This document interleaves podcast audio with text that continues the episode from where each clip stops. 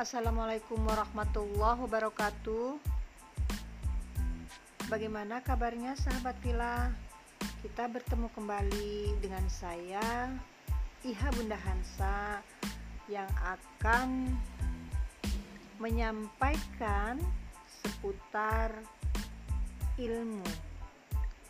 Nah, kali ini saya akan menceritakan tentang kisah pada masa Rasulullah di mana ada dua orang bersaudara yaitu yang satu fokusnya mencari ilmu dan yang satunya lagi fokus untuk bekerja. Suatu hari salah seorang dari mereka datang menemui Rasulullah Shallallahu Alaihi Wasallam untuk mengadu. Dia merasa keberatan. Pasalnya, dia menghabiskan waktunya untuk sibuk bekerja dan mencari rezeki hingga tak sempat mencari ilmu. Sebaliknya, saudaranya hanya fokus untuk belajar, mendengar hadis, dan menimba ilmu-ilmu syar'i dari Rasulullah. Padahal, semua biaya kebutuhannya harus dia tanggung semuanya. Mendengar pengaduan itu, Rasulullah berkata, "Bisa jadi kamu diberi rezeki oleh Allah justru karena saudaramu itu." Pada waktu itu, Rasulullah tidak mengatakan saudaramu itu lebih baik daripada kamu. Namun, Rasulullah justru mengatakan kebaikan yang ada padanya, lancarnya rezeki itu datang karena dia menolong saudaranya yang belajar bersama Rasulullah. Dalam kata lain, tak perlu merasa menyesal ataupun dirugikan, baik yang membiayai dan yang dibiayai semuanya punya peran masing-masing. Syekh Ali bin Muhammad Al-Qori dalam Mirqat Al-Mafasi Syarah Misqat Al-Mashabi menjelaskan maksud kalimat la'allaka tarzuku dengan sirat majhul maknanya aku berharap takut.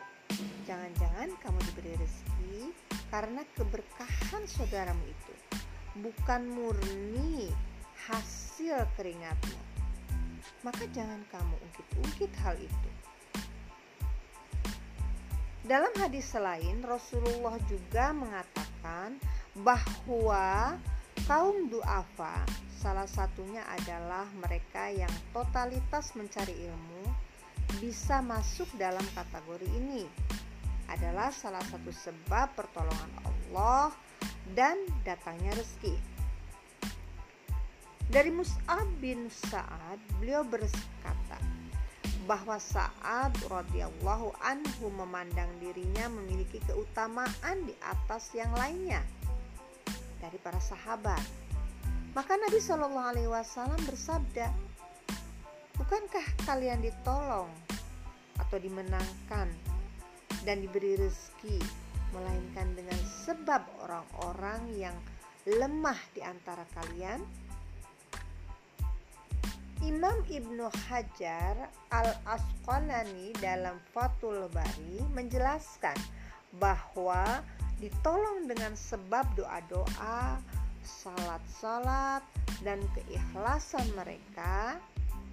Sebabnya kaum duafa adalah orang yang paling mudah untuk ikhlas, paling khusyuk dalam beribadah, dan hati mereka bersih. Dan dari keterkaitan dengan urusan dunia. Begitu juga dengan para pencari ilmu, khususnya ilmu syar'i, doa-doa, sholat, dan keikhlasan. Mereka adalah syarat mutlak untuk memperoleh ilmu. Lalu bagaimana dengan pencari ilmu? Para pencari ilmu hari-harinya dipenuhi kesibukan mengkaji dan menghafal. Baik menghafal Al-Quran, hadis Nabi SAW, membaca kitab-kitab ulama, meneliti, menulis, serta menganalisis berbagai hal, termasuk berpikir keras, bagaimana caranya mengcounter berbagai subhat yang merebak dan menjamur di tengah-tengah masyarakat. Itu semua bukan urusan sederhana. Perlu keikhlasan dan tekad kuat untuk menjalaninya. Juga harus merelakan manakala dirinya kehilangan bagian dunia. Begitu beratnya tugas para pencari ilmu. Maka wajar kalau orang yang menjadi hafil atau orang yang menanggung dalam hal ini adalah menanggung biaya hidupnya selama mencari ilmu akan mendapat cipratan keberkahan di dunia. Salah satunya dengan dilancarkan rezekinya, ditambah pula pahala amal jariah yang akan menyusul di akhirat kelak. Wallahu a'lam.